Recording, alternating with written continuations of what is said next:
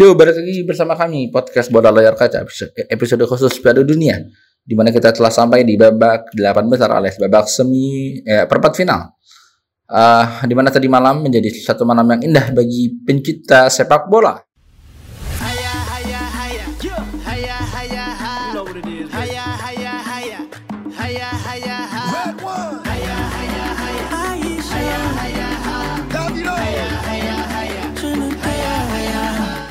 Bagaimana tidak?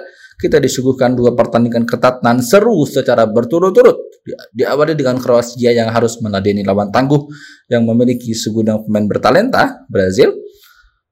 Di mana di luar dugaan, selama pertandingan Kroasia mampu meladeni permainan menyerang Brazil.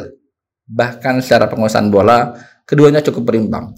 Brazil secara statistik sebenarnya lebih menguasai jalannya pertandingan Total ada 21 shoot yang mereka tembakkan ke arah gawang Kroasia. Namun 11 di antaranya mampu ditahan dan dimentahkan dengan baik oleh Dominik Livakovic. Ya, 11 penyelamatan yang dilakukan sepanjang laga. Yang dilakukannya sepanjang laga. Penyelamatan terbanyak seorang kiper sejauh ini dalam Piala Dunia 2022 dalam satu laga. Nah, Eh, 11 penyelamatan itu 9, 9 penyelamatan di antaranya dilakukan di 2 kali 45 menit pertama dan dua sisanya di babak extra time. Brazil juga kerepotan di lini tengah di mana trio gelandang Kroasia, Modric, Kovacic, dan Brozovic benar-benar terlihat menguasai dan mengontrol jalannya pertandingan. Tak jarang Kroasia mendapatkan momen-momen counter attack yang seharusnya bisa dioptimalkan menjadi gol. Namun sayang, mereka tak punya lini serang secepat pemain-pemain Brazil yang ketika transisi bisa amat membahayakan gawang tim lawan. Jadi sebenarnya Kroasia dan Brazil masing-masing memiliki solusi kebentuan yang dimiliki oleh lawannya. Brazil butuh gelandang-gelandang solid yang mampu mengontrol pertandingan sebagaimana yang dimiliki Kroasia. Sedangkan Kroasia butuh penyerang-penyerang cepat yang bisa berlari cepat ketika transisi sebagaimana yang dimiliki Brazil. Alhasil 90 menit kedua tim bermain imbang tanpa gol dan pertandingan harus dilanjut ke babak 2 kali 15 menit. Di babak inilah baru kedua tim bisa memecah kebuntuan. Brazil lewat kaki Neymar hasil kombinasi kerjasama 1-2 yang baik dengan Lucas Paqueta, sedangkan Kroasia lewat gol super sub-nya Bruno Petkovic di akhir babak extra time. Di mana menariknya, gol tersebut adalah satu-satunya tembakan ke arah gawang alias shot on target pertama timnas Kroasia selama, selama, selama, pertandingan ter tersebut dan langsung gol. Babak extra time pun berakhir dengan skor imbang satu sama dan pertandingan berlanjut dengan adu penalti. Kroasia yang di pertandingan sebelumnya lolos via adu tendangan penalti pun lebih diunggulkan di babak ini karena dianggap telah memiliki pengalaman. Dan benar saja, Livakovic mampu menahan satu tendangan di babak ini dan satu penendang Brazil lainnya membentur Mister Gawang. Sedangkan para algojo Kroasia semuanya berhasil menceploskan gol ke gawang Alisson di babak adu penalti ini. Dan Brazil pun akhirnya tidak berhasil, tidak seperti namanya berhasil. Dengan hasil ini mereka gagal di perempat final Piala Dunia dua kali secara beruntun. Di babak eh, di 2018 kalah 1-2 oleh Belgia dan di Piala Dunia kali ini kalah adu penalti oleh Kroasia. Dan Kroasia pun lolos ke babak semifinal Piala Dunia dua kali secara beruntun. Di 2018 bisa sampai final, apakah di 2022 ini bisa sampai final juga? Kita tunggu. Dan Kroasia akan bersua lawan dari pertandingan Belanda kontra Argentina. Lanjut kita lanjut ke laga selanjutnya Belanda Argentina di mana secara kasat mata pertandingan ini sebenarnya tidak lebih seru dari pertandingan sebelumnya. Belanda maupun Argentina sama-sama cenderung bermain aman sejak awal laga.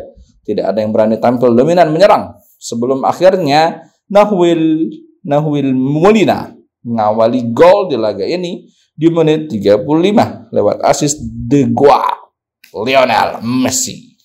Argentina pun mampu menggandakan keunggulannya di menit 73 lewat titik putih di mana Marcos Acuña markas akunya dilanggar oleh Denzel Dumfries di pinggir kotak penalti. Di pinggir kotak penalti sebenarnya, jadi agak-agak kontroversi itu. Tapi wasit menganggapnya di dalam titik putih berarti eh, yang yang mana kalau pelanggaran di titik putih ya jadi penalti gitu ya. Dan Lionel Messi tidak menyia-nyiakan kesempatan itu dan skor 2-0 bagi keunggulan Argentina pun bertahan bertahan hingga 10 menit kemudian sebelum akhirnya super sub Wout Weghorst membuka harapan bagi timnas Belanda lewat sundulannya. Hasil asis cantik dari Steven Bergwijn Bergwijn yang juga masuk dari bangku cadangan. Skor 2-1 tuh ya. Nah, setelah 90 menit uh, dan skor masih 2-1 untuk keunggulan Argentina, wasit di pinggir lapangan yang megang apa yang megang papan apa uh, papan angka tuh. Nah, nasib tambahan waktu itu 10 menit. Nah, di mana 10 menit ini dimaksimalkan, dioptimalkan sebaik mungkin oleh timnas Belanda.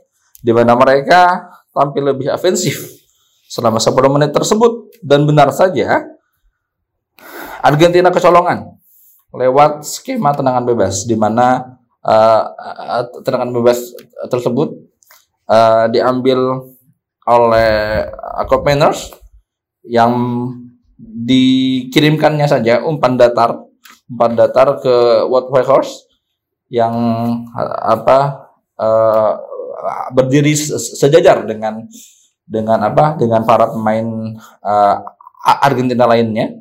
Dan White Horse uh, berbalik badan langsung menceploskan bola ke gawang Emi Martinez dan gol Laga 90 menit pun berakhir dengan skor 2 sama dan berlanjut ke babak extra time yang sama sekali tidak merubah tanda pertandingan karena sama saja dua sama sampai akhir dua kali dua kali 15 menit dan pertandingan dilanjut dengan adu mental alias adu algojo alias adu kiper alias babak adu tendangan 12 pas di mana Emi Martinez tampil gemilang di babak ini dengan keberhasilannya menepis dua tendangan pertama timnas Belanda. Nah ini kuncinya, kunci kemenangan Argentina di babak adu penalti adalah uh, apa tepisan tepisannya Emi Martinez di dua dua penendang awal, Van Dijk dan uh, Bergwijn gitu ya.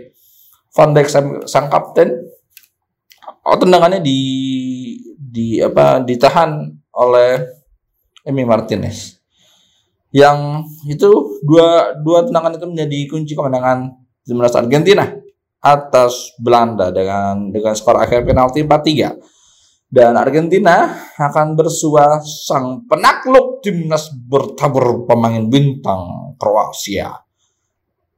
Di mana di semifinal ini akan berlangsung pada hari Rabu dini hari mendatang. Nah, apakah ini saatnya Lionel Messi mengangkat trofi bola dunia emas? Ataukah Kroasia yang akan back to back lolos ke final World Cup secara berturut-turut? Kita nantikan di laga seru hari Rabu mendatang dan sekarang giliran gue cabut. Adios.